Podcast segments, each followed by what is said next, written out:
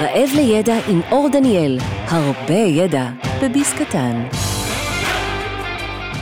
תודה רבה שהצטרפתם, והיום אנחנו קופצים אל עבר עתיד של מציאויות שונות כאלה ואחרות, והצטרף אלינו יצחק פיצ'חזה, אה, הוא המנכ"ל של אה, LLS, אה, הוא התחיל כמפתח יוניטי והקים חברה שיש לה מוצרים טכנולוגיים, גם שנקרא frontline.io, פלטפורמה לייצר digital twin ומציאויות עבודה ומשמש בעיקר לתהליכי למידה. שכדאי לכם להכיר את הבחור הזה, הוא צעיר מאוד ויש לו כבר חברה שלמה מאחוריו, אבל אני חושב שאני אתן לו להציג את עצמו ומשם נתקדם.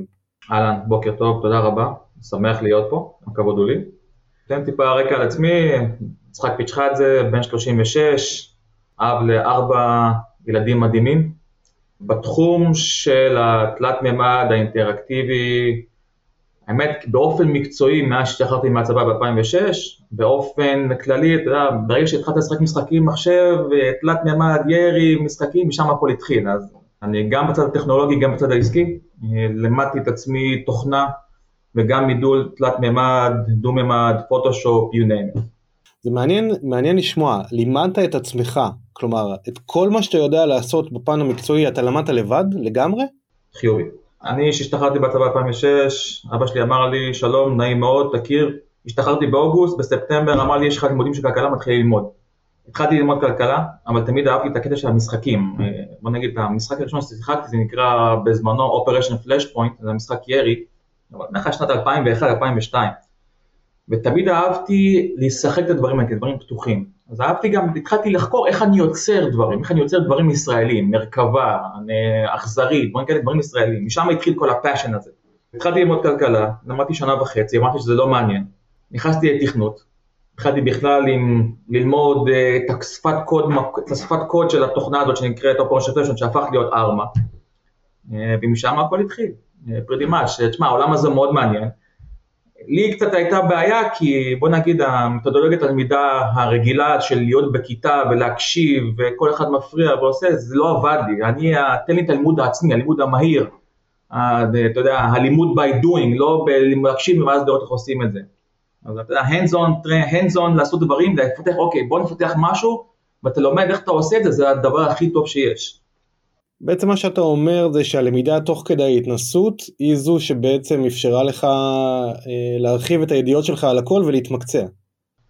ביי uh, פאר, כן, תשמע, בסוף אתה עכשיו אומר, אני רוצה עכשיו לעשות אפליקציה, עשיתי בזמן אפליקציה של איך לעשות, uh, ליצור אלבום דיגיטלי. ואיך אתה בוחר תמונות, שומר אותם, שולח אותם להדפסה.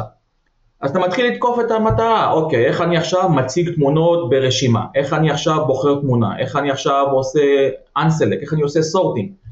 כל זה אתה, אוקיי, אני עכשיו רוצה לעשות משהו, אוקיי, לא יודע איך עושים את זה, מה הבעיה? פותח אינטרנט, איך עושים X, מסתכל עם 17 דוגמאות, מסתכל, רואה מה הכי טוב ואיך עובד, למדתי. כל ביט מידע כזה שאתה עושה ולומד ומבין, וזה נלמד ואתה לומד עוד ועוד ועוד, ואז אתה פשוט בונה בנק שלם של יכולות וידע וניסיון שאתה יודע, בכיתה זה מאוד מובנה. פה אתה, יש לך את האינטרנט, הכל נמצא אונליין, אין דבר שלא נמצא אונליין היום. זאת אומרת, זה, זה, זה הכיף. אבל לא מפחיד אותך לגשת לכזה דבר כזה שהוא קצת מאיים, מאוד מאוד מאוד טכנולוגי, איך אני עושה את זה? אני, לא. תשמע, בסופו של דבר זה גם מאוד מאוד תלוי ב, ב, בנפש של, ה, של הבן אדם, ב, ברוח שלו. אם אתה תלוי גם בגישה שאתה בא. ברגע שאתה בא בגישה שהכל אפשרי והכל ניתן, זה הגישה המנצחת. אוקיי? ברגע שתגיד, אה, זה קשה, לא יהיה זה, לא. אה, אני אתן לך טיפה איזשהו רקע על עצמי, אני בגיל תשע, אבחנו לי מה שחשבו שיש לי גידול בגב. בגיל תשע הייתי עושה כדורגל, והיה לי איזשהו, כנראה איזשהו גידול, שבא לי אמצע מול השדרה, אכל לי חצי חוליה והתחיל אותה מול השדרה. בגיל תשע הפסקתי ללכת. עשו לי ניתוח דחוף ביום שבת, תכלס היה ניתוח של 50-50, יצאתי מזה, עשיתי ללמוד ללכת מחדש בגיל 9. בגיל 13 היה לי עוד ניתוח, היה לי עקמת קשה בחלק מהניתוח הראשון, עוד פעם, בגיל 13 ללמוד ללכת מחדש.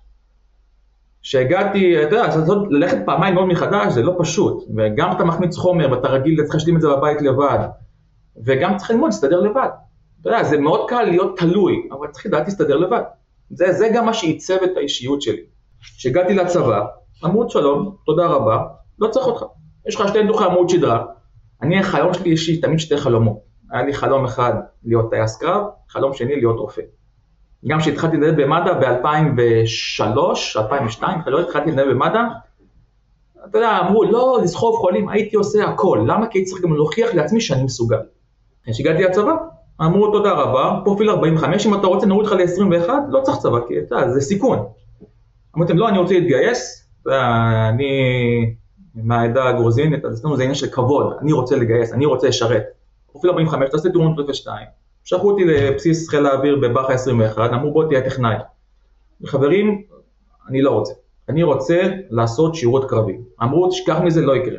לקח לי חמישה חודשים לשגע אנשים, לעשות ועדות רפואיות, עד שמצאתי ועדה רפואית שנתנה לי אישור חריג להיות לוחם, אבל לא הסכימה להעלות את הפרופיל. זאת אומרת, אני עברתי מחיל האוויר לשריון עם פרופיל 45, רק אישור חריג. עשיתי את כל המסלול בשריון באופן מלא, סיימתי את המסלול, עשיתי, רציתי לצאת לפיקוד, אמרו, אה רגע, היית במד"א? טוב, אנחנו צריכים חופשים בתאגד, קורס חופשים ארבעה חודשים, חזרתי חזרה לגדוד, הייתי בגדוד חודש, קורס חוגדים, והייתי חוגג כמעט שנה וחצי. אבל זה המנטליות, מה, במחשבה לאחור בגיל 36, לבחור ב-21, או בחור בן ה-19, הוא מטומטם, כאילו, אתה יודע, נפילה לא נכונה, סחיבה לא נכונה, והרמתי אנשים על הגב, זה להיות נכה. אבל הכל אפשרי. ואני חושב, בגלל זה אני גם אומר שהדבר הזה בסוף, כמה חשוב גם השירות הזה, כי בסוף הוא נותן לך את הכלים להסתדר בחיים. הכל אפשרי והכל ניתן לעשות, ולא צריך לוותר. אז זה המנטרה המשמעותית ביותר. אותו דבר, תקח את זה גם מתוכנה. אנחנו עובדים בדברים שהם חדשניים, AR, VR, תלת מימד, הכל נשמע מסובך, קשה. לא, בסוף תעשה, תתמקצע, תלמד, תנסה, אחרי זה הכל יהיה קל. תודה רבה על השיתוף, זה חתיכת דבר ש...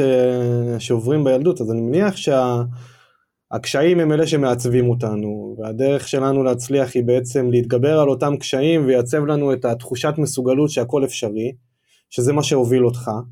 וזה מעניין, כי כלומר, איך בחור, בחור שהפך להיות עצמאי וממשחקי מחשב, ואחרי שהוא עבר את כל ההיסטוריה הזאת, איך הוא מגיע להיות מנכ"ל של חברה שמייצרת פתרונות של מציאויות אה, וירטואלית, רבודה, נדבר על זה תכף. מה, אז מה, מה החברה שלך עושה, מה LLS ופרונטלייט עושים? אז החברה עצמה קמה ב-2014 כחברת שירותים. אה, זה התבסס על השירותים שאני נותן בתור עצמאי. הזכרנו את החברה כדי ליצור גם ערך וגם להראות יותר חוזק. אתה בסוף אתה... היה לי סטיגמה של one man show, הייתי עושה הכל כאיש אחד, היו, פחדו לתת גם פרויקטים יותר גדולים, עד שאתה פותח חברה ומראה להם, אוקיי, יש לי עוד אנשים. זאת אומרת, אם עכשיו אני לא מרגיש טוב, אחרים יעשו את העבודה. אז התחלנו כחברת שירותים, אה, ליצור תלת מימד אינטראקטיבי ואיכותי, כי זו הייתה ההתמחות שלנו. אתה, פתחנו הרבה מאוד, הרבה אה, יכולות והרבה ניסיון בעולם הזה. התחלנו בתחום הביטחוני, כי בדרך כלל זה תחום שיש לו הרבה כסף בהתחלה, כי הוא גם משקיע ב-early adapters של, אה, של דברים כאלה. אה, היינו יוצרים דיגיטל אה, טווינס של מנועים, מל"טים, you name it, טנקים, אה, ממש ליצור תהום דיגיטלי של הדבר כסימולציה, תכונה כוויזואליציה, לא סימולציה.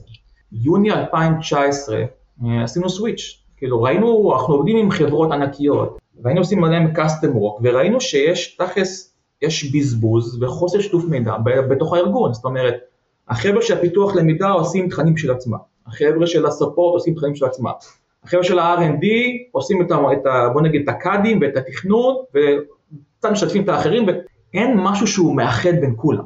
עכשיו החבר'ה של היצירת פרוצדורות בכלל כותבים את זה בוורד ומעבירים את זה לכולם. אז מזה נוצר frontline.io.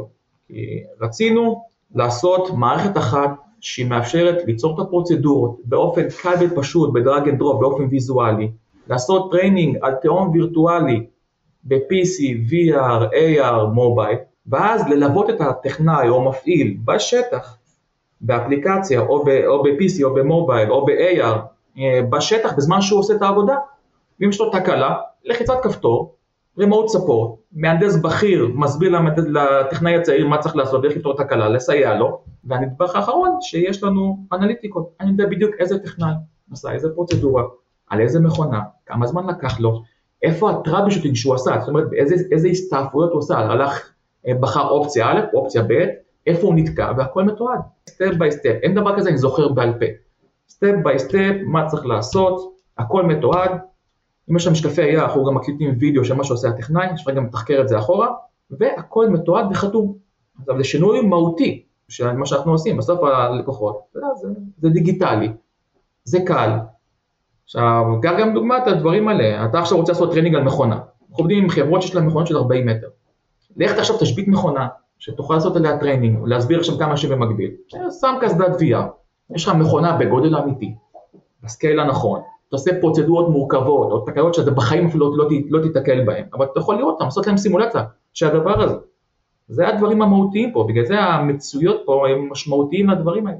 אני חושב שזו תשובה מאוד מפורטת ואולי הרבה אנשים קצת הלכו לאיבוד אז אנחנו נעשה צעד אחורה כי אמרת כל מיני דברים כמו קאד, כמו מצויות, כמו אה, תהום דיגיטלי. בוא נפרק את זה לאנשים שלא יודעים מה זה אומר אז אני אשמח אם תפרט רגע את התהליך בעצם של איך זה קורה ואז אולי תוך כדי על הדרך נוכל להבין את כל ההיבטים האלה. שיצחק אומר מציאויות יש בוא נתחיל במציאויות נראה לי הכי הכי בסיס כמה מציאויות יש עם מה אתם עובדים. ה phrase שמתכלל את כולם זה XR, Extended Reality, אוקיי? שזה מתכלל את כולם ביחד.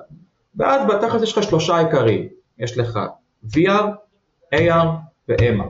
VR, ו-Virtual Reality, מנותק לגמרי, שם קסדה על הראש, אתה נמצא בסביבה וירטואלית לגמרי, מנותקת מהסביבה האמיתית, ואתה עושה פעולות, אם משחקים, אם זה עכשיו הדרכה איך לטפל במטוס, או איך עכשיו להטיס מטוס. זה VR. שלב השני זה AR, יש לך או דרך הטלפון או דרך משקפיים חכם, משקפי AR, משקפיים חכמות, משקפי מציאות אה, מוגברת, ואז יש לך סמנים, אוקיי, תסתכל עכשיו לכיוון לימינה שמאלה, או יש לך עכשיו מד מהירות קבוע, כאילו שמו לך מסך מול העיניים ויש לך מד מהירות קבוע, מה מהירות, מה הזימות שלך. עכשיו, אין, זה לא מתייחס לסביבה. והשלישי זה mixed reality. mixed reality, שאני עכשיו יודע שמולי יש מכונה, ואני עכשיו שם לך את הסמן הדיגיטלי במקום הנכון על המכונה האמיתית. או AR, או קח דוגמא שולחן, ויש לך עכשיו אה, משהו שאתה רוצה לשים מאחורי השולחן, איזשהו אובייקט תלת-ממדי. AR, לא משנה מה, תמיד האובייקט התלת-ממדי תמיד יהיה לפני השולחן, לא משנה מה. ב mixed reality, האובייקט התלת-ממדי הזה יכול להיות מאחורי השולחן האמיתי שלך, אבל למרות שהוא וירטואלי. זה, זה ההבדלי, זה שלושת הרמות שיש. ואיך עושים את זה? אז כלומר אני לוקח, אתה אמרת שצוות פיתוח שהוא מפתח איזשהו מוצר פיזי, הוא עובד על קבצי CAD. אתם בעצם לוקחים את הקבצים האלה והופכים אותם למידור, איך זה עובד? אולי תסביר גם מה זה הקובץ הזה בדיוק. אצלנו, בוא נגיד שנייה אחת מה המודים של העבודה שאנחנו עובדים. אצלנו ב Frontline נקודה במוצר שלנו. ארבע מודים עיקריים. mode ראשון, SaaS טהור, זאת אומרת שיש לך תוכנה, אתה עושה user, אתה יוצר פרוצדורות בצורה פשוטה וקלה, בלי תלת מימד, יש לך, לטכנאי בשטח יש את הפרוצדורה, הוא יודע איך לעשות את הדברים, אם יש בעיה, עושים session AR תוכן session mixed reality שבו הטכנאי מרחוק או המהנדס מרחוק יכול לתת לך תמיכה ויכול לעשות לך סמנים cues על המציאות שלך, זאת אומרת אם סליחה מרים את הטלפון על, ה, על המכונה שלי, הוא לוחץ בווידאו על נקודה, זה עושה חץ וירטואלי בסביבה שלי שנשאר בסביבה, זאת אומרת שמתי עכשיו חץ על, ה, על המתג האדום, החץ נשאר במתג האדום, למרות שאני מזיז את הטלפון ימינה שמאלה, זה השלב הקל. השלב השני, הלקוח יכול ליצור תלת מימד אינטראקטיבי או תהום דיגיטלי של המכונה או של מה שרוצה ליצור באופן עצמאי, יש לו SDK שלנו, אה, אם זה SDK מעל יוניטי או אם זה התוכנה שלנו שנקראת Frontline Editor שבו הוא יכול להכניס עם המודלים תלת מימדים או את הקבצי תיב"ם, קבצי CAD שלו פנימה ולעשות את המציאות, לעשות את התלת מימד האינטראקטיבי, גם ל-VR, גם ל-PC, גם ל-AR, הכל במכה אחת, זאת אומרת לא צריך משהו מיוחד, וזה ממש plug and play. כן, צריך להבין איך תלת עובד. ה mode השלישי, אנחנו נותנים לו שירות של לקחת את הקבצים שלו, את הקבצי CAD, הקבצי תיב"ם, הקבצי שרטוט, ואנחנו יוצרים לו תאום דיגיטלי, ואז הוא יכול לעשות את הפרוצדורות ולעשות את האימונים. שלב רביעי, הוא יכול לקבל, אני רוצה אה, mode רביעי, זה שיכול לקבל custom application, אני רוצה ממש אפליקציה, custom לגמרי, עם ה branding שלי, עם עוד פיצ'רים. זה ארבע מודים העיקריים שאנחנו עושים. כשאני אומר קבצי CAD, היום כל חברה שהיא יצרנית, הם מתכננים את המוצר שלהם. זה לא כמו שפעם היית מצייר את זה על אה, שרטוט, ויש לי תכנית ואיך זה עובד, היום יש לך קבצי CAD מאוד מפורטים עד רמת הבורג. אה, הבעיה של הקבצים האלה שהם מאוד מאוד כבדים, הם נועדו ל manufacturing, הם נועדו לייצור. עכשיו, קח דוגמא, אנחנו יודעים כמה חברות שיש להן מכונות של 40 מטר, אפילו גם מכונה קטנה של אה, מטר וחצי על מטר וחצי, צריך מחשבים מאוד מאוד חזקים להריץ את הקבצים האלה, בלי אפילו, בלי דברים אינטראקטיביים. שם נוצר הבעיה. אז אנחנו, בחלק מהמתודולוגיה העבודה שלנו והפייפן שפיתחנו, אנחנו יודעים לקחת את הקבצים האלה ולרדד אותם משמעותית, תוך כדי שמירת האיכות והדיוק שלהם, אבל לרדד את המשמעות שזה בסוף יעבוד על טלפון. זה, אז כאילו, זה, זה ה pipeline שאנחנו עושים. אני מדמיין לעצמי סיטואציה. אני טכנאי, שלחתם אותי לפנמה, בסדר? שלחתם אותי לפנמה, נתקעתי, אני לא יודע לבצע איזושהי פעולה או שיש לי איזושהי תקלה.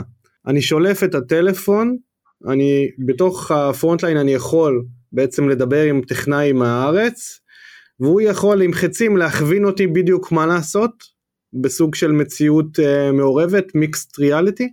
זה שלב 2. זה כבר שאתה לא הסתדרת לבד. השלב הראשון זה שאני עכשיו טכנאי. פתחו לי קייס במערכת שיש תקלה שהמכונה לא עובדת בגלל נשבר חלק.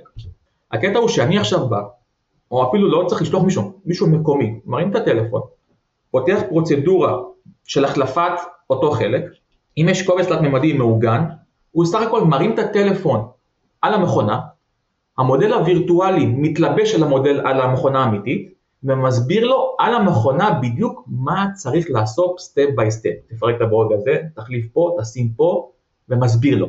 במקרה השני, שהוא לא הצליח ופה הוא הסתבך, אז הוא לוחץ על remote support ומקבל וידאו דו-כיווני שאני מסביר לו מה צריך לעשות.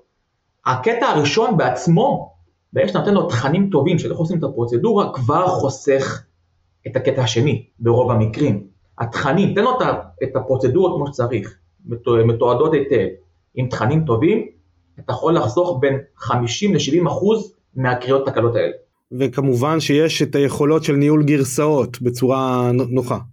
ברור, כל הקטע של ניהול היוזרים, ניהול הרשאות, ניהול גרסאות, ניהול תצורות, הכל מנוהל ב cloud, אתה יכול לעשות את זה בצורה פשוטה וקלה, אתה יכול לפתוח טסקים ל user, לך עכשיו תפרק במכונה 484 את, ה, את ה feeder או איזשהו חלק, והכל מנוהל במקום אחד, זה, זה ממש פשוט וקל. אתה יודע מה קופצת לי ישר? קופצת לי ישר גם שאלה של אבטחה.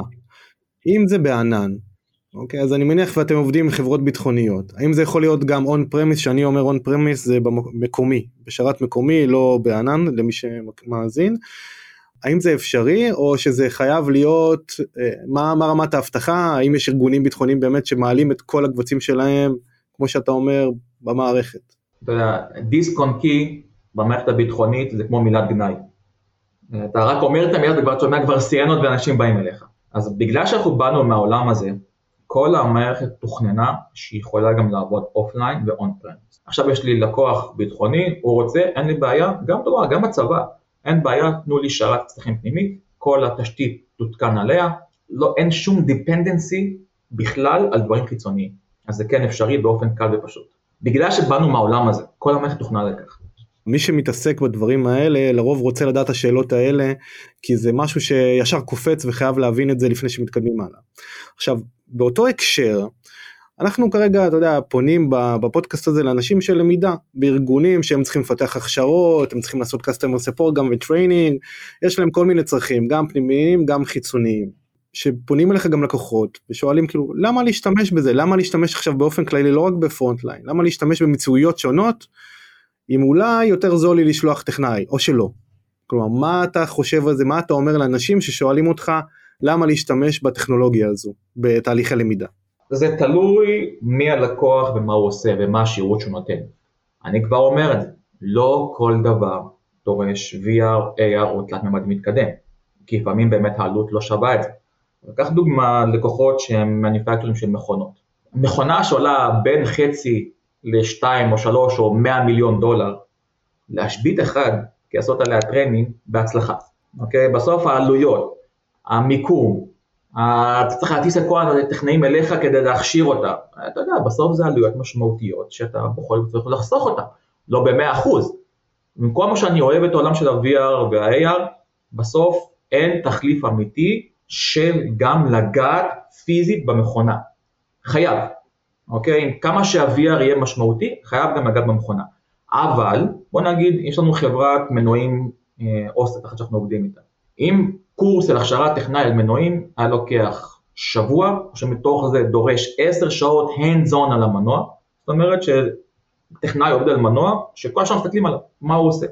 אנחנו איתם דיברנו ש-50% מה-10 שעות האלה יהיו בכלל במציאות אחרת, או ב-VR או ב-AR, או במיקסט ריאליטי, אוקיי? זה כאילו, ואז, במיוחד ב-VR, חמש או עשר טכנאים עובדים במקביל על הפרוצדורות ב-VR, אחד עוד נוגע במנוע אמיתי ומתחלפים ביניהם. אתה מקצר משמעותית את הזמן של ההכשרה, אתה יכול לשלוח את אפילו קסדת VR לטכנאי לבית שעושה כל הפרוצדורות וכל ההכשרה הזאת בעצמאי בבית, והוא בא לקורס לדברים ענייניים וטכניים.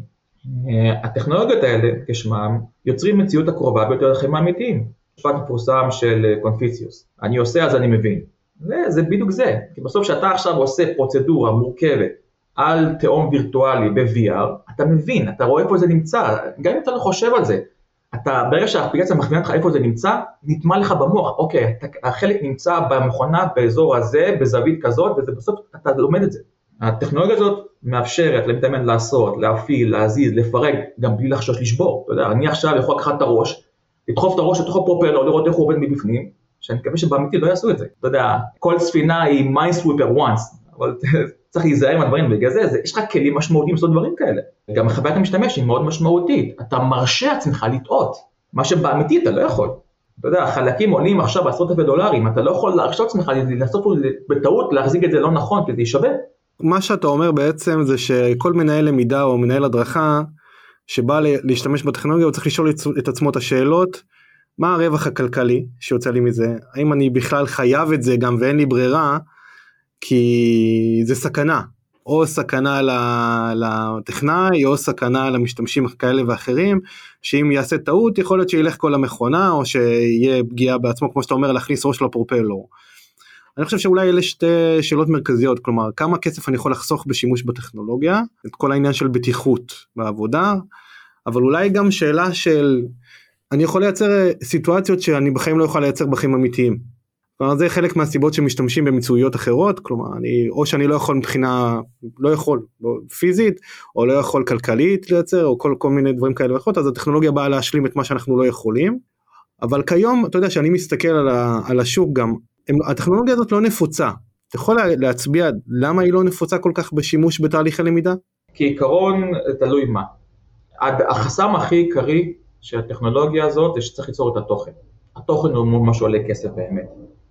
מכשירים היו פעם עשרות אלפי שקלים או עשרות אלפי דולרים וירדו משמעותית. היום צריך לקנות קסדת VR ב-300 דולר, שזה כלום, זה פחות מטלפון. קסדות AR עדיין יקרות, בכנות אפשר להשתמש ב-AR בכל טלפון שאתה היום שזה אנדרואיד או iOS, יש היום תמיכה ב-AR מתקדם עם מיקס ריאליטי, לא צריך יותר מזה. אבל היתרון בקסדת AR שיש לך ידיים חופשיות. אז בוא נגיד העלות של החומה ירדה משמעותית והיום נגישה יותר. יצירת התוכן הוא החלק היקר באמת. אתה יודע, עולם התלת מימד הוא עולם שצריך התמחות. לא כל אחד יודע עכשיו איך לעבוד, איך עושים אנימציה, איך עושים תלת מימד, איך מרדדים ואיך עושים טקסטורות שיראה כמו אמיתי. אז זה, זה, זה הדבר העיקרי הראשון. הדבר השני, אתה יודע, כי בסוף מה התחרות שלך? בסוף אתה עובד מול PDF או מול דף. עכשיו בדף אתה כותב לו, תפרק את בורג 448, תסתכל תמונה שלוש עמודים אחורה. אתה יודע, עכשיו תעדכן את זה לשלב אחר, בסדר, עדכנתי שתי מילים. אז זה קשה שאתה אומר להשוות בדיוק את הדבר הזה, לאסור את התלת מימד. נכון, התלת מימד חוסך את הזמן של ההבנה של הטכנאי, הוא חוסך גם ב training, כי בסוף אתה עושה שיתוף מידע. אותו תלת מימד שאתה יוצר ל training הוא גם ל support, דרך אגב הוא גם ל marketing, הוא גם ל-R&D. כולם משתמשים באותו תלת מימד בסופו של דבר. ה entry point זה באמת להביא את התקציבים הראשונים, כי בסוף אם אומר, אתה אומר, בא למנכ"ל, אוקיי, יש לי לעשות עכשיו דף, פרוצדורה, איך עושים אותו, וזה עולה לי X, וליצור את התלת מימד האינטראקטיבי עולה לי 10X, לא כל אחד רואה קדימה לראות כמה זה חוסך לו. כי קשה מאוד לכמת, קח דוגמה, תן תוכן יותר טוב לטכנאי ויעשה פחות טעויות, לך תכמת שהטכנאי עשה פחות טעויות. אוקיי? אתה רוצה להראות את ה-ROI. אתה יכול להראות את ה-ROI בקיצור זמני הכשרה, בזה שאפשר לראות את הלמידה עצמית. שאתה מקצר את הזמנים שבו טכנאים עושים, או עושים את הפרוצדורות על המכונה, כי אתה יודע, בסוף שלהם חיים יותר טובים, אז עושים דברים יותר מהר, אתה מוריד את השאלה של האי ודאות של הטכנאי כמעט לאפס, כי זה מאוד ויזואלי. זה לא, אוקיי, איפה הבורג הזה נמצא עכשיו במכונה. אתה רואה את זה בדיוק כמו נמצא, כי אתה תקבל את זה בכפית של זהב. והדבר הכי עיקרי גם שאתה, אתה, אתה יודע, חוסך את העלויות של הטיסה בנסיעה. אם עכשיו יש תקלה, אני לא צריך לשלוח טכנאי. יש לי, יש לי עכשיו איזשהו מפעיל בהונג קונג, אני פה נמצא פה בישראל, מה הבעיה? שיחת וידאו דו-כיוונית עם המערכת של ה-AR, אני מסביר לו בדיוק, אני הופך אותו למעין כמו שליח או לרובוט שלי בשטח שהוא הידיים, ואני המוח עם הניסיון, אני לא מה לעשות, ואני מבקר מה שהוא עושה. כל טיסה כזאת זה בסוף אלפי דולרים. זמן, טיסה והשבתה של מכונה. מה שהיית לוקח לך סייקל של שבוע לסגור, היום אתה יכול לסגור בעניין של שעתיים. זה דברים מאוד משמעותיים, יש לך הרבה מאוד ROI בדברים האלה, אבל צריך לדעת להסתכל עליהם גם בצורה רחבה, בצורה גם ארוכת טווח. מתי אתה תגיד, יבוא אליך לקוח, אתה תגיד לו, אתה לא צריך אותי. לא כל דבר צריך תלת מימד. אם אני מסתכל על זה בצורה מערכתית, לקוח צריך להשתמש במערכת שלנו כל הזמן, גם בצורת פרוצדורות פשוטות. כי גם כשיש לך מערכת שאתה קל לך, קל לך לנהל את הפרוצדורות, וקל לך לנהל את הספרות הדיגיטלית, כל ה-knowledge base של הארגון, זה חשוב. כי בסוף PDF אתה יכול לשלוח אותו, לך תדע אם הלקוח שלך יתקן אותו, לא יתקן אותו, הוריד גרסה אחרונה, לא הוריד גרסה אחרונה, זה לא דיגיטלי, זה לא באמת מעודכן. ואין לך שום איסוף מידע. תחשוב שהיום חברות מוציאות לאלפי לקוחות את המערכות של ה, את הספר, ספר user management או user manual, הם לא יודעים מי השתמש במה, איפה היה תקלות, אין להם שום אינפוטים בחזרה. אז אין לך שום פידבק מהלקוח. השאלה היא זה מתי להשתמש בתלת מימד האינטראקטיבי ומתי לא. אם עכשיו יש לך עכשיו אה, הדרכה על איך לתפעל את המדמיר שלך, ואתה לא צריך לפרט את הפנים, וואלה, אתה צריך תלת מימד. אתה יודע, להגיד לך תדליק ארבע מתגים מאחורה ותחבר אותם, לא באמת יהיה שווה את זה. אה, אבל דברים מסובכים, דברים קשים, דברים שהמכונות עולות הרבה מאוד כסף, דברים שקשה לך גם להעביר אותם, אתה חייב. אתה עכשיו רוצה להסביר איך מערכת הדיו עובדת במכונת הדפוס. אוקיי, או שאתה עושה את הסרט האינטראקטיבי, או שאתה עושה איזשהו תרשים, או שאתה עושה משהו גם שאתה ממש לוקח אותו בתור אתה עכשיו הדיו ואתה רואה את המסלול של איך אתה עובר בכל המערכת של ההזרקה. זה תלוי מאוד מי הלקוח ומה הדברים שהוא צריך. לדברים הפשוטים ביותר, להדליק מתג, דברים כאלה אחרים, אולי לא צריך תלת מימד, אבל מערכת שיש לך את היכולת לערוך את הפרוצדורות ואת הטראבל בצורה קלה ופשוטה, וזה מעודכן ומסונכרן ויש לך את הפידבק, זה הדבר ה basic לכולם צריך להיות. אתה מכיר סיפור, סיפור case study כלשהו שחברה שמשמעותית הורידה את, ה, את הכמות, את הזמן פניות בתקלות למשל, או ש... אה, הרבה פחות קריאות או כל מיני אה, דברים כאלה שבעצם שאפשר לכמת שהשימוש בטכנולוגיה הזו באמת הוריד משמעותית את הפניות, את הקיצור זמן הכשרה, את כל מה שציינת מבחינת ה-return of investment, החזר ההשקעה. ממש, ברגע שאתה מוריד קורס מארבעה ימים לשלושה ימים, אתה מבין כבר כמה חסכת פה. בערך שאתה עושה קורס שהוא, בוא נגיד, 50% ממנו בכלל נעשה בבית של הטכנאי, והוא בא רק לדברים עיוניים, או רק לדברים שהם חיזוקים ווולידציה ומבחנים, זה דברים משמעותיים. יש לנו חברות שגם חסכו משמעותית טיסות וזמני השבתה של המכונה בשימוש בטכנולוגיה הזאת. אני לא רוצה, לא יכול, לא רוצה להיכנס לפרטים, להגיד pinpoint אה, לאנשים אה, חברות ספציפיות, אבל יש פה ROI משמעותי מאוד across the board, גם ב training, גם ב support, גם ב marketing, בסוף, אתה יודע, ה marketing לא צריך להוציא עכשיו עוד כסף, אבל ליצור עוד משהו אינטראקטיבי, שהוא מקבל את זה ישירות יותר דבר שעושה ה training, רק, רק צבוע טיפה אחרת. גם האופן יצירת הפרוצדורות השתנה משמעותית, כי עכשיו זה drag and drop. תשמע, בסוף פרוצדורה, אם פעם היה צריך כתב טכני, היום האיש הטכני יכול לעשות את, ה, את הוויזיו הזה, את הפרוצדורה הזאת בצורה של drag and drop, מישהו אחר אחרי זה רק יעשה, יעשה הגעה, ותודה, יש פרוצדורה. אז הקטע של השמירת ידע הוא גם מאוד מאוד משמעותי, מאוד משמעותי. אני אתן לך משהו אחד אה, קטן. תשמע, ככה עכשיו בעידן של הקורונה, אי אפשר היה לטוס, אי אפשר לעשות שום דבר, אוקיי? אז היית חייב כלים שאפשר לעשות שם remote support בצורה קלה ופשוטה. אתה עכשיו, יש לך עכשיו מקור ידע, יש לך עכשיו עובד בין 55, 60, 65, 70, שהוא מקור ידע, ובסוף אתה רוצה שהוא יתמוך, הוא יכול להישאר בבית, לתמוך במהנדס צעיר או בטכנאי, או מפעיל פשוט, שנמצא ב-across the world, לתמוך בו, להגיד לו מה צריך לעשות. אתה מכיר, יש את הסיפור של ספינה הושבתה, ומגיע אה, מהנדס בכיר, ותיק, בא, מסתכל, לוקח פטיש, דופק ארבע פעמים ומתקן את הספינה. מגיש להם חשבונית, קחו חמשת אלפים דולר. הוא אומר, מה, אתה רציני? באת פה חמש דקות, עשית חמשת אלפים דולר. הוא אומר, נכון. הקשת הפטיש, דולר וחצי, לדעת איפה להגיש, 4,985 וחצי. אז ברגע שיש לך את האפשרות לשמור את הידע הזה, אדם יכול לתת תמיכה מרחוק, ואתה יודע, הוא אומר לו, הוא ברגע יכול לראות מה הבעיה, לתמוך בו ולהגיד לו מה צריך לעשות בצורה פשוטה וקלה. אה, חסכת פה מלא. אהבתי את המטאפורה של הפטיש. אין ספק, אני חושב שאנשים אולי לא מודעים לזה, אבל אנשי מקצוע, באמת מקצוענים אמיתיים של 30 שנה, 40 שנה עוסקים במשהו, הידע שלהם הוא זהב. וככה צריך להתייחס אליהם בהתאם, אני חושב שזה משהו שהוא מאוד משמעותי שאמרת פה, שבעצם יכול לייצר מצב שמומחה אחד יכול גם לתת מענה לכמויות מאוד גדולות של אנשים בצורה יחסית קלה. אני חושב שזה משהו שהוא מאוד משמעותי בצורה הזו. אה, אני רוצה גם רגע לעשות אה, צעד אחורה ולהתייחס ל... ליצירת תוכן שאמרת שהיא יקרה. אין ספק שלייצר אה, תוכן בתלת מימד הוא יקר מאוד ואולי זה חלק מהחסמים המאוד רציניים.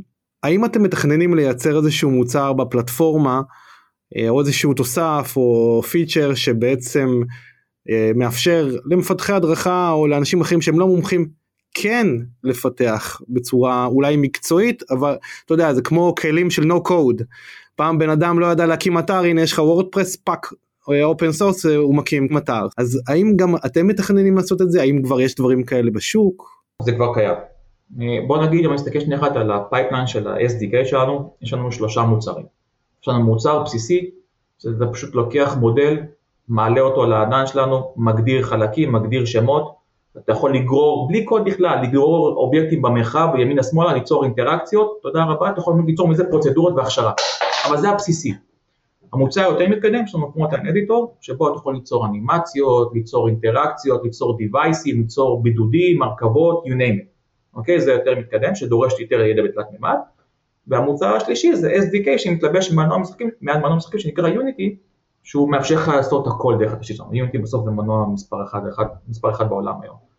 אז בוא נגיד שגם אם עכשיו אפילו קח מפתח הדרכה, קח אפילו מורה בבית ספר, טוען עכשיו תלת מימד של מערכת השמש, יוצר טיפה דברים בסיסיים של תזוזת מצלמה לפה, תזוזת מצלמה לשם, אתה יכול ליצור שיעור שכל התלמידים יכולים להתחבר, דרך אגב, בסביבה וירטואלית, ולעשות עכשיו חוויה כיתתית במערכת השמש. לא צריך, לא צריך פה קוד בכלל. אם אני מסתכל שנייה אחת אפילו גם על, על, הסטודיו שלנו, היום התלתיסטים שלי יוצרים דברים מורכבים ומסובכים בלי שורת קוד אחת בכלל. לא צריכים, כי כל הקוד וכל התשתית כבר קיימנו על שבע שנים של ניסיון שלנו.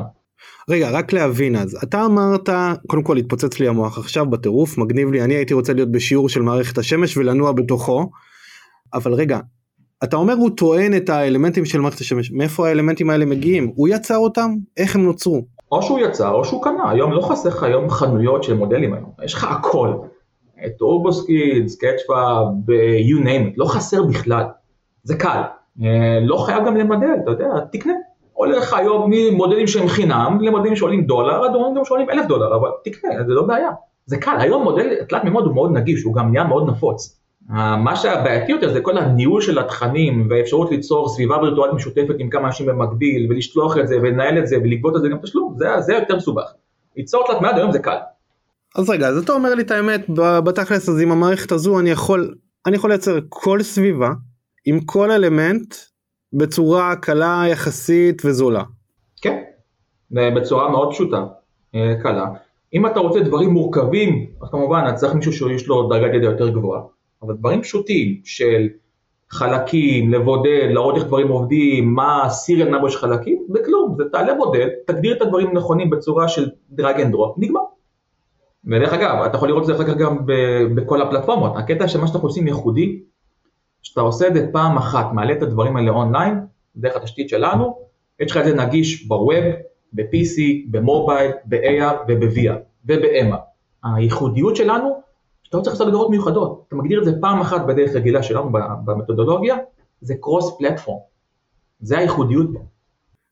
למעשה מה שיצחק אומר זה שאנחנו יכולים בכל המכשירים, מכל הסוגי מציאויות, ליהנות מאותם קבצים, מאותם תהליכים. אני, אתה יודע, אני עבדתי עם טכנאים, ויש לטכנאים, יש כאילו איזשהו פער כזה בין העולמות של המהנדסים לבין העולמות של הטכנאים בשטח, יש פער מטורף. ובשטח קשה לטכנאים לאמץ תהליכים חדשים, אה, טכנולוגיות חדשות, זה אני יודע ממקור ראשון. איך אתם מתמודדים עם זה, או איך מתמודדים עם זה, אתה יודע, אתה אומר לטכנאי שכל החיים שלו הוא רגיל, אני, אני יודע איפה לעשות, אני יודע זה, בוא תעבוד עם אה, טכנולוגיה חדשה. יש פה שתי דברים, יש אחד את הרצון לקבל טכנולוגיה חדשה, ושתיים, יש פה גם קטע של אגו. כי כשאתה בא עכשיו לטכנאי שעשה אותו דבר במשך 30 שנה, ולהגיד לו, אני מצטער אבל תעבוד step by step דרך האפליקציה, להפעיל את האפליקציה זה קל, נלחץ את הכפתור, נלחץ את הפרוצדורה, יש לך את זה next, back, repeat, ותעשה את הפרוצדורה. זה, אין פה, לא צריך פה ידע מיוחד, כלום. אבל לגרום להם שיעשו את זה באופן של אה, מתודולוגיית עבודה שלהם, זה המשמעותי. דבר שני, ככל שתביא את הדברים יותר מהודקים ויותר טובים לטכנאי, יהיה לו יותר ביטחון במה שהוא עושה. אוקיי? עשינו אפליקציה, עשינו מדגים של איך מפרקים גנרטור. ואז אתה בא לבן אדם שלא מכיר את הגנרטור. אוקיי, אתה אומר לו, תגיד לי, אתה מוכן עכשיו לעשות פרוצדורה של החלפת מיכל דלק של הגנרטור? הוא מסתכל עליי, לא, למה שאני אעשה את זה? הבאנו את האפליקציה, הצגנו שאיך הגנרטור הווירטואלי מתלבש על האמיתי, ומראה לו ברמת המילימטר של הבורג, איזה בורג צריך לפרק, ומתי, ומה הסטפים, ו step by step הדבר הזה, פגז, מה זה, piece of cake, זה קל. אז תן לו תכנים יותר טובים, הוא יעשה את זה, את העבודה שלו בצורה יותר בטוחה, יותר בנאמנות במה שהוא עושה, ויהיה לו גם פחות אי הבנה. זה הדברים המשמעותיים שצריך לחבק את הטכנולוגיה, בסוף זה טכנולוגיה, בסוף AR, VR, MR, תלת מימד זה, זה, אינפוטים ואוטפוטים שאתה יכול להשתמש בהם, זה בא לעזור לך. אתה לא חושב שזה ייצור אה, אולי איזשהו אה, אפקט תוכי? כלומר, אתה יודע מה קורה למהנדס או לטכנאי שטח, יש טיסה מבצעית, סתם לצורך העניין נעשה איזה סימולציה קטנה אני ואתה. יש טיסה מבצעית, קפה יער שלו, הטלפון שלו, הוא לא מוצא אותם. עכשיו זה חייב לצאת, אבל הוא רגיל לעשות את כל הסדר פעולות שלו עם הטכנולוגיה ופתאום הוא מוצא את עצמו בלי. אז הוא כבר, הוא לא יודע, הוא היה כל כך תלוי בטכנולוגיה, שרגילה להכתיב אותו צעד אחרי צעד. האם אין פחד שזה ירדד את ה, דווקא את הזיכרון של האנשים? אם בן אדם עשה את הפרוצדורה עם המערכת במשך חודש, שבוע, שנה, יש לו עדיין זיכרון. פשוט הוא בצורה מתודולוגית, הוא יודע שהוא צריך לעבוד עם המערכת כי זה step by step וזה הכל מתועד וזה בסוף גם מגן עליו, הוא יכול להגיד עשיתי, הנה בבקשה זה במערכת וזה מתועד. אם עכשיו המערכת לא זמינה, נשבר, הלך, נגמר הסוללה, אני לא מוחק את הזיכרון שלו, הוא עדיין, הוא עדיין זוכר. המערכת באה רק באה לפה כדי לעזור לו ולסייע לו לעשות את העבודה שלו. זה, זה המטרה העיקרית שלה, זה לא מטרה להחליף לו את הזיכרון, אוקיי, אני יכול להיות עכשיו, אה, תודה רבה, לא זוכר מה אני צריך לעשות. ודרך אגב, זה גם לא מחליף את האחריות שלו לחפש סימנים אחרים. אתה עכשיו עושה פרוצדורה של הכשרת תחנת המטוס לטיסה, אתה עדיין צריך להסתכל בסביבה שלך לראות, או, אה, יש פה שבר, או יש פה עכשיו יש תקלה, שלא קשורה לפרוצדורה. אתה עדיין חייב להיות ערני, אתה חייב להיות עדיין להבין מה אתה עושה ולראות את הסביבה שלך. המטרה פה זה לא להפוך אותך לתוכי שתעשה את ה step הזה, תעשה next by step, הבעיה זה לסייע לך, שתדע שמה שאתה עושה זה הכי מעודכן, תדע איפה זה נמצא, להוריד לך טעויות. יש לך עדיין עצמאות, יש לך עדיין בגרות, עדיין להגדיל ראש, רק בצורה מובנית. תשובה טובה, הייתי חייב לנסות להתקיל קצת, אז עוד עוד קלה. הטכנולוגיה פתאום לא בידיים שלי, אבל תהליכים הקודמים תמיד היו לי על דף, אבל פה אין לי גיבוי. אין לי גיבוי, האם הטלפון שלי או משקפי AR שלי אין להם סוללה או לא משנה מה והפעולה צריכה להתבצע עכשיו. הם כרגע לא מתפקדים, אבל אה, מדריכים אה, פיזיים בוא נגיד ככה אין להם את הבעיה הזו. אני אתן לך אותה שאלה, עכשיו בטעות שפכת שם על כל המדריך שלך, מה אתה עושה? מעולה, גם תשובה טובה, אתה רואה? בסופו, בסופו של דבר התשובה גם הרצויה פה, אתה יודע, בס... המטרה היא פה ללמד אותנו ולהיות לעזר לצידנו, אבל אנחנו צריכים לדעת לפעול לבד בעולם הזה, מה שנקרא. אה, לפעמים גם ללא המדריך, גם לפעמים ללא הטכנולוגיה במצבים מסוימים. אבל גם פה, אתה יודע, גם במקרה הזה זה יכול לקרות גם שאין את המדריך פתאום, או שאין את הסדר פעולות הנכון, או שהוא לא מעודכן גם יכול להיות. גם זה יכול לקרות. אני אתן לך שאלה. אתה עכשיו, יש לך את המדריך הדיגיטלי, את ספר, ספר מטוס הזה, או ספר מכונה הזאת, ונהרס לך, נחתך, דרכת עליו, שפכת עליו שמן. איך אתה מביא עכשיו חלופי? או שאתה קונה חדש, מזמין, או שאתה נכנס לאונליין, התחיל לחפש. במערכת, אוקיי, אין לך בטריה, תביא, תביא את המחשב. אין לך מחשב, תביא טלפון של מישהו אחר. אין לך טלפון של מישהו אחר, אתה לא חסר לך היום אמצעים דיגיטליים שאתה יכול להביא את זה, זה פשוט login אתה או שאתה מוריד את האפליקציה מחדש ב Play Store, תודה רבה ביי. זה נגיש מאוד וזה שמיש, אתה יודע, זה אין פה בעיה. אה, ודרך אגב, תשמע, יש פה מה שאתה, מה שאתה אומר, יש פה גם עניין נוסף. בעולם התעופה אמור להיות סלוגן שאומר, יש ספק, אין ספק. אתה עכשיו, המדריך שלך לא עובד, אתה לא יכול לבצע את המשימה שלך, מה עדיף לך? לבצע את המשימה אתה יודע שאתה, שזה, שזה יעבוד וזה יהיה כמו שצריך, או, לא, או להגיד סטופ, אני לא יכול להתקדם קדימה. יש פה דברים מהותיים, זו שאלה מאוד חשובה, כל זה לא עכשיו משהו שהוא מציל חיים ואתה חייב לעשות דחוף אם לא זה פוגע בחיים, עצור, תנו לי מכשיר חלופי, או תנו לי ספר חלופי, ואחר כך להתקדם, כי אתה יודע, בסוף להגיד בדיעבד, אה אופס, שכחתי משהו, הטעות שעשיתי, תוכל לעלות לך פי 700 מאשר התעכבתי בחצי שעה. אני מסכים. דרך אגב אני חושב שהיש ספק אין ספק צריך להגיע מכל התחומים ובהתחשב בהיסטוריה שלך עם מד"א זה בדרך כלל מגיע מרפואה. אני הייתי גם חובש וזה מגיע אם יש ספק אין ספק עושים את הפעולה. כן? לא לא משאירים שום דבר לספק. מתי אתה חושב שהטכנולוגיה של מציאויות מיקסט ריאליטי וירטואל ריאליטי אוגמנטד ריאליטי, כל המציאויות השונות, מתי היא תהיה הרבה הרבה הרבה יותר נפוצה? ונראה אותה אפילו במרחבי בית הספר, בכל ארגון כזה או אחר, מתי לדעתך זה יקרה? זה כבר עכשיו.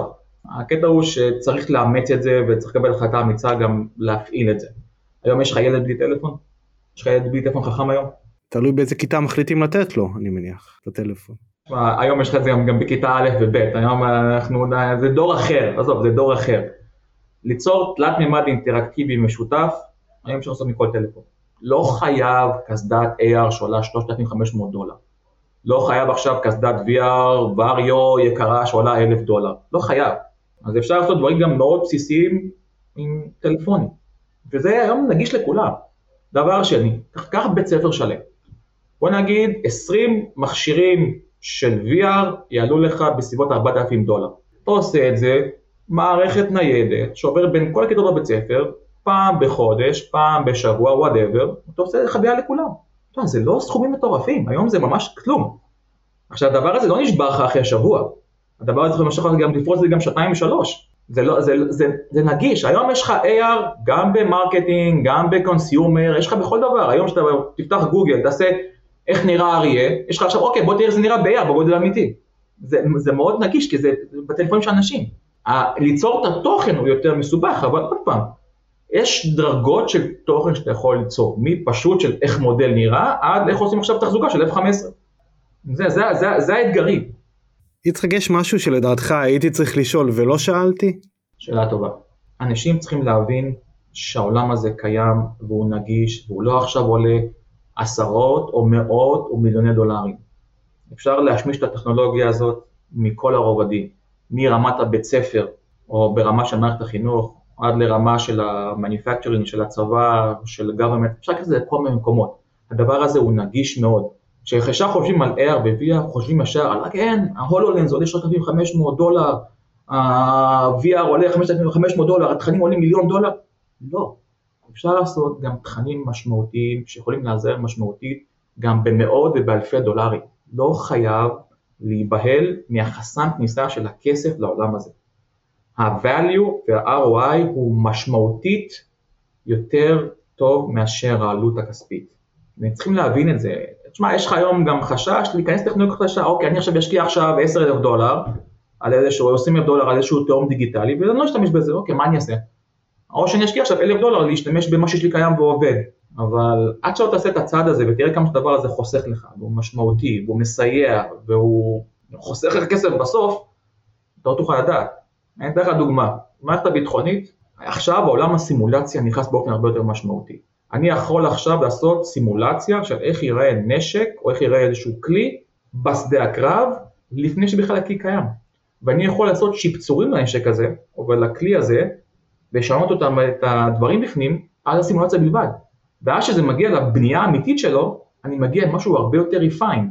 עכשיו, תבוא עכשיו, תבוא עכשיו לפני 10 שנה או 15 שנה או 20 שנה למהנדס שמהנדס את המערכת, תגיד לו, אוקיי, שמע, לפני שאתה עכשיו מייצר את המכונה או מייצר את הנשק, בוא תשקיע עכשיו 20% מהתקציב שלך לעשות סימולציה, ואז תראי בכלל זה רלוונטי או לא, ואז תעשה גם, ורק אז תתחיל לייצר נשק. אני אגיד לך, מה, מה אני צריך לבזבוז הזה? אני אייצר נשק, עולה לי פחות לטווח הקצר, ובטווח הארוך עולה לך פי שבע יותר מאשר אתה עושה כל כך את הסימולציה. אותו דבר גם פה, צור את הקטע ההדרכתי, צור את הקטע התחזוקתי, וצור את הקטע של, הצורת, של היצירה של הפרוצדורות בצורה קלה ופשוטה, אתה חוסך הרבה מאוד כסף down the line. נכון, זה הולך לך בהתחלה טיפה יותר, אבל החיסכון אחר כך הוא אינסופי. יש לי שאלה ונראה, ושנינו נענה עליה, ככה שלא תצא רק, אה, רק אתה. אז מה החלום שלך לטכנולוגיה הזו? איך אתה מדמיין את העולם כאשר הטכנולוגיה הזאת מאוד נפוצה? איך הוא נראה? או, הבעיה היא של לאיזה ורטיקל. אתה יודע, אנחנו כרגע עושים JV עם בית חולים מאוד משמעותי פה בארץ. יש הרבה חלומות. מאיך עכשיו הרופא משתמש ב-AR בחדר ניתוח, או אפילו לפני זה, הוא עושה את האימון על VR, על, על החלק, על הניתוח שהוא צריך לעשות ב-VR או בתלת מימד, ואז הוא עושה לעצמו נוטס, ואז הוא בא, שם קסדת AR, מסתכל על החולה, כל הנוט שהוא הכין על החולה עכשיו. אז זה המדיקל. בתחום של המניפקצ'רינג, הטכנאי עכשיו בא עם משקפי AR או עם הטלפון, מסתכל על המכונה, אומר לו, תקשיב, השמן, זה ממש IoT עם ה-MR, השמן בצד ימין למעלה של המנוע צריך להחליף, תחליף לי. הוא מראה לו מה צריך לעשות. אה, לקצר פה משמעותית את הזמנים של התחזוקה, הכשרה, וגם on the job, כאילו זה מאוד משמעותי. גם עכשיו, גם בבית ספר, אני מת שבית ספר ייכנס עכשיו קסדות VR, תעשה להם עכשיו חוויות, אתה עושה חוויה פעם אחת, אתה עושה חוויה פעם אחת, אתה יודע, זה כל מערכת החינוך. ואתה נותן דבר כזה, ואז אתה עושה אפילו ערכה ניידת שזאת בכל הבתי ספר, פעם בשבוע, פעם בחודש, כל כיתה עושה איזשהו משהו ב-VR ככיתתי. אתה יודע איזה משמעותי זה? זה, זה פותח להם את האופקים, נותן להם דברים משמעותיים, ואם פעם היית צריך להתאמץ מאוד ולדמיין איך המערכת השמש עובדת, שים קסדת VR ותהיה בה. וזה מטורף, זה, לילדים זה פותח את, ה, את המחשבה, את היצירתיות באופן מאוד משמעותי. מסתכל גם הילדים שלי, יש לי חיים בבית עם קסדות AR, VR, אה, טלפונים, you name it. והם אוהבים את זה כי זה אינטראקטיבי, וזה גם מעניין, וזה חווייתי, וזה מפעיל להם הרבה יותר חושים. אז יש הרבה מאוד ורטיקלים שזה רלוונטי להם, medical, education, manufacturing, enterprise, government, באמת, the sky is the limit. בסופו של דבר, קסדות AR יחליפו טלפונים, כי זה גם יהיה נגיש. אבל בסוף, כמו שקסדות AR יחליפו אותם גם העדשות לעיניים, ובסוף זה יהיה נורלינק כזה או אחר. זה רחוק, זה מאוד רחוק ויש לך הרבה מאוד לאן ללכת. אני מתחבר לכל החלומות שאתה ציינת, אתה יודע, אני אקח את זה דווקא לוורטיקל הרפואי. החלום שלי שיהיה את המשקפיים האלה ושיגיע חובש לשדה הקרב ויהיו פצועים בשטח המסכה תוכל למפות לו את האנשים, תוכל לסייע לו בפרוצדורות מסוימות, היא תוכל לתת לו סדר עדיפויות של פצועים, אבל באמת אני הייתי חושב ש, שכאשר הטכנולוגיה יותר תיושם ויהיה לה גם את היכולת מתישהו עם שילוב של בינה מלאכותית כבר גם להיות משולבת בפני עצמה אני חושב, ולהיות חלק אינטגרלי מהעשייה שלנו. ומהתהליכי למידה, מהתהליכי, כמו שאמרת, כל הוורטיקלים, מתהליכי למידה, מתהליכי customer support וכו' וכו', כל המקומות האלה, אני חושב שזה יהיה, וכמו שאמרת, זה לא רחוק העתיד הזה, הוא אוטוטו, הוא כבר פה, הבינה מלאכותית תגיע עוד שנה, שנתיים, שלוש, ונראה לי שאנחנו נהיה שם. אני רוצה להודות לך, אני מקווה שנהנית. אני מאוד נהניתי. אה, בדרך כלל מאוד אהבתי גם את הטענותיי שלך, אבל חשוב מאוד גם להגיד, קח את מה שאמרת על החובש, אהבתי את הרעיון, בתור חובש, אתה עכשיו מגיע לאירוע רב נפגעים, כמה אנשים בסוף מתים מזה שאתה נותן להם את התשומת לב. אם יש לך עכשיו קסדת AR ויש לך איזושהי מדבקה פשוטה, אתה שם על הפצוע, ואז כל הנתונים של כל הפצועים ששמת על המדבקה מגיע לך לעיניים, ואם מישהו מידרדר אתה עכשיו מקבל התראה ואוקיי לך טפל בו. אתה מבין כמה דברים כאלה, כמה זה חיים זה יכול להציל? יש פה דברים מטורפים. אין ספק. אה, העתיד מעניין, יש לי חבר שעובד פה בלומוס שהוא עושה phrase על המשפט, The future is looking up. שתחשוב על זה, כאילו היום כולם מסתכלים למטה בטלפונים, קסדות AR ו-AR זה הכל זה למעלה, The future is looking up, תרתי משמע. אהבתי את המשפט. תחשבו על זה. אז אני חושב שנסיים בזה, אז באמת שוב תודה רבה לך, אני אשים גם כישורים רלוונטיים לחומרים מעניינים בפרק הזה במידע, אתם מוזמנים להיכנס גם לאתר ולצפות שם גם בכישורים, ותודה רבה לך יצחק. תודה רבה לך, וכל מי שרוצה גם להתייעץ, להרגיש חופשי, לפנות, אין בעיה, אנחנו מאוד רוצים לרתום את הטכנולוגיה הזאת, אנחנו רוצים לסייע גם לחברות ולארגונים, גם ברמה של שאלות והתייעצויות בכיף, מוזמנים לשאול. תודה רבה, ולהתראות לכולם, נתראה בפרק הבא. רעב לידע, פודקאסט בו אור דניאל מביא נגיסי ידע בעולמות הלמידה, הטכנולוגיה והיזמות. לומדים מארכיטקט למידה שעשה קריירה מללמוד. הצטרפו לחוויה שלא רק תעשיר את חייכם, אלא גם תיתן לכם את הידע, כלים, כישורים ומיומנויות להצלחה. מי שלומד, גם נהנה וגם מצליח. תוכן מבית לרנטק.co.il